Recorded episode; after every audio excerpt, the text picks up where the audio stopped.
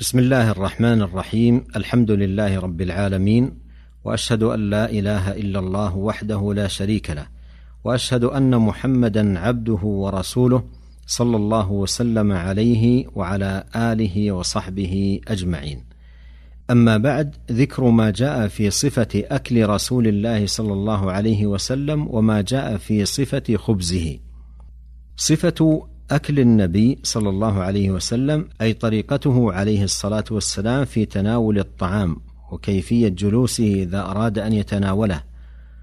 وغير ذلك من الآداب المأثورة في هذا الباب. عن كعب بن مالك رضي الله عنه قال رأيت النبي صلى الله عليه وسلم يلعق أصابعه الثلاث من الطعام. أخرجه مسلم. وعن أنس رضي الله عنه قال كان النبي صلى الله عليه وسلم إذا أكل طعاما لعق أصابعه الثلاث أخرجه مسلم تضمن هذان الحديثان أدبين من آداب أكله صلى الله عليه وسلم. الأول الأكل بأصابع ثلاث، ولم تعين هذه الأصابع الثلاث لكنها معلومة وهي الإبهام والسبابة والوسطى. فهو من آداب الطعام المستحبة. وقد ذكر بعض الشراح أن الأكل بالأصابع الثلاث يكون في الأكل المتماسك الذي يمكن للآكل أن يقبضه بأصابعه الثلاث كقطعة الخبز أو قطعة اللحم أو نحو ذلك. أما إذا كان الطعام متناثرا فلا حرج في أن يأكل منه بأصابعه الأربعة أو الخمسة إذا احتاج إلى ذلك. الأدب الثاني لعق الأصابع بعد الفراغ من الطعام. لا أثناء الطعام لأنه قد يتأذى به من يأكل معه. والحكمة في ذلك هي تحري بركة الطعام لما جاء في صحيح مسلم من حديث أنس رضي الله عنه أن رسول الله صلى الله عليه وسلم كان إذا أكل طعاما لعق أصابعه الثلاث. قال وقال إذا سقطت لقمة أحدكم فليمط عنها الأذى وليأكلها ولا يدعها للشيطان. وأمرنا أن نسلت القصعة. قال فإنكم لا تدرون في أي طعامكم البركة. يعني أن البركة أو جزءا منها قد تكون في هذا الذي آه، لعق في اليد أو في الجزء الذي تبقى في الصحفة. وبركة الطعام تتناول أمورا عديدة لأن النبي صلى الله عليه وسلم ذكرها مطلقة فمنها تغذية البدن وسلامته من مضرة الطعام وتقويته على طاعة الله سبحانه وتعالى.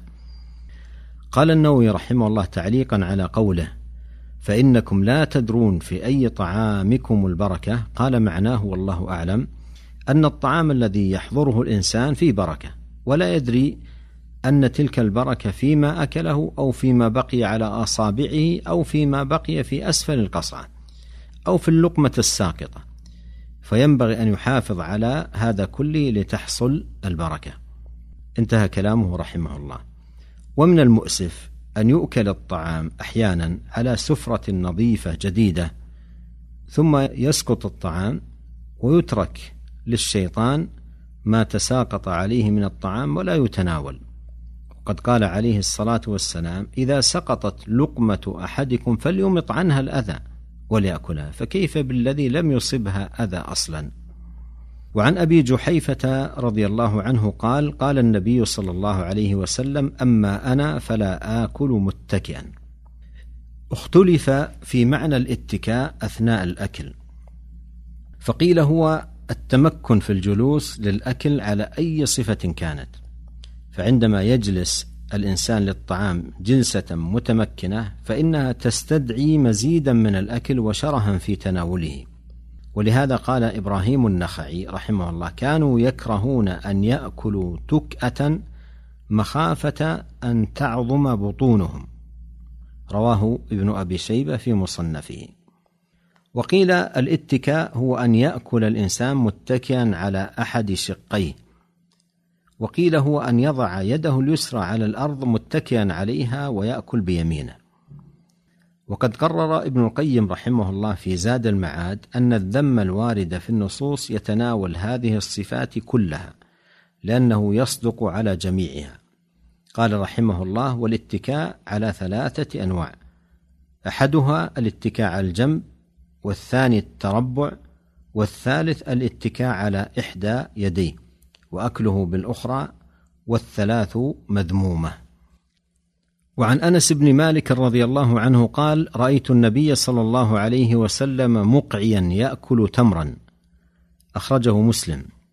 ورواه الإمام أحمد في المسند بلفظ أهدي لرسول الله صلى الله عليه وسلم تمر فجعل يقسمه بمكتل واحد وأنا رسوله به حتى فرغ منه قال فجعل يأكل وهو مقع أكلا ذريعا فعرفت في أكله الجوع.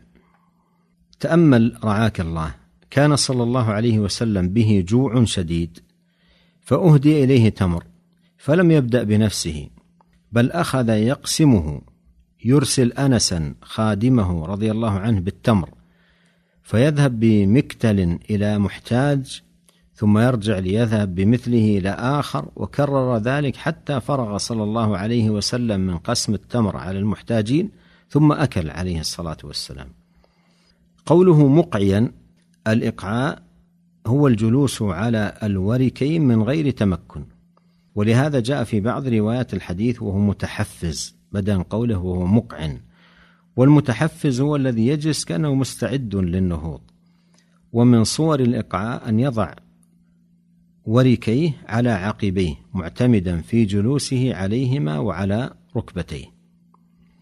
وأما ما جاء في صفة خبز رسول الله صلى الله عليه وسلم فعن عائشة رضي الله عنها أنها قالت ما شبع آل محمد صلى الله عليه وسلم من خبز الشعير يومين متتابعين حتى قبض رسول الله صلى الله عليه وسلم.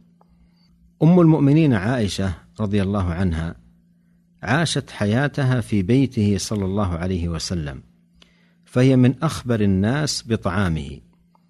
أخبرت أن خبز الشعير الذي يشبع الإنسان لم يكن في بيت النبي صلى الله عليه وسلم ليومين متتابعين حتى فارق الدنيا. وفي هذا بيان تقلله عليه الصلاة والسلام من الطعام وفيه أيضا هوان الدنيا على الله جل وعلا. لأن النبي صلى الله عليه وسلم وهو أفضل عباد الله يبيت جائعا وليس عنده شيء يأكله مما يدل على هوان الدنيا على الله. فلو كانت عظيمة لأعطاها بأجمل بهجتها وأحسن مطعمها ومشربها وملبسها أفضل عبادة. وعن سليم بن عامر قال سمعت أبا أمامة الباهلي رضي الله عنه يقول: ما كان يفضل عن أهل بيت رسول الله صلى الله عليه وسلم خبز الشعير أخرجه الترمذي. فيه بيان قلة طعام أهل بيت النبي عليه الصلاة والسلام حيث لم يكن يتبقى منه شيء بل لم يكن كافيا لاشباعهم فضلا عن أن يتبقى منه شيء.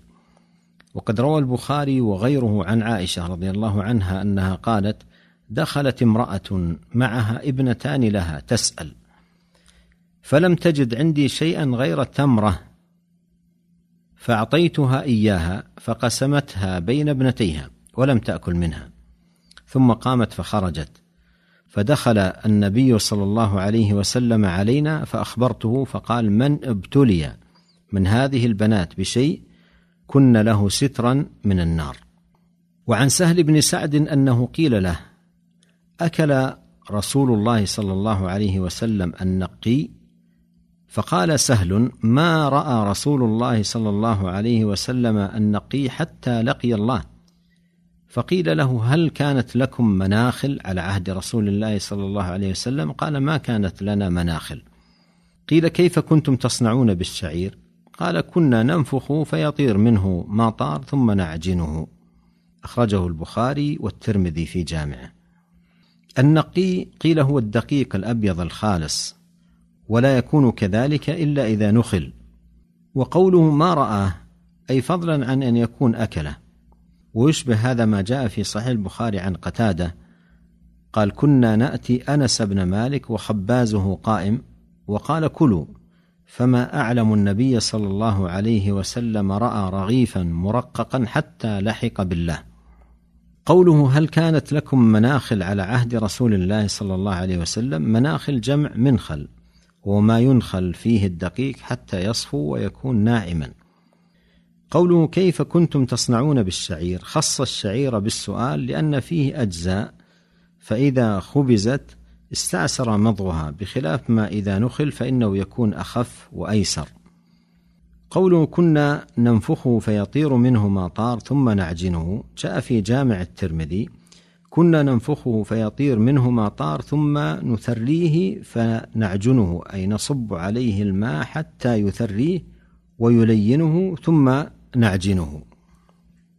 وعن أنس بن مالك رضي الله عنه قال ما أكل نبي الله صلى الله عليه وسلم على خوان ولا في سكرجة ولا خبز له مرقق.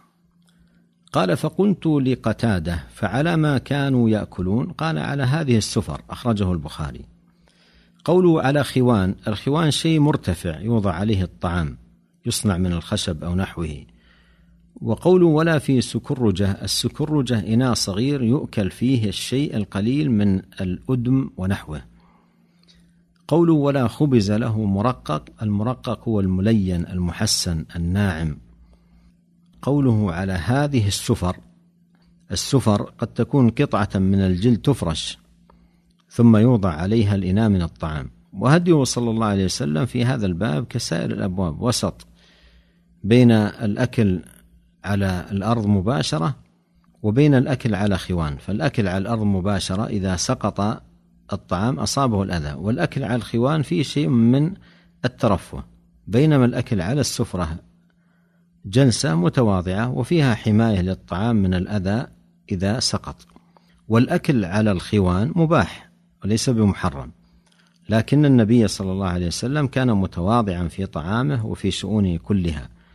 وقد تقدم قول قتادة كنا نأتي أنس ابن مالك وخبازه قائم وخوانه موضوع أي عنده شيء مرتفع يوضع عليه الطعام عندما يراد أكله. وأنس رضي الله عنه هو راوي هذا الحديث. هذا وبالله وحده التوفيق. نسأله جل وعلا أن يوفقنا أجمعين لكل خير وأن يصلح لنا شأننا كله. إنه سميع قريب مجيب.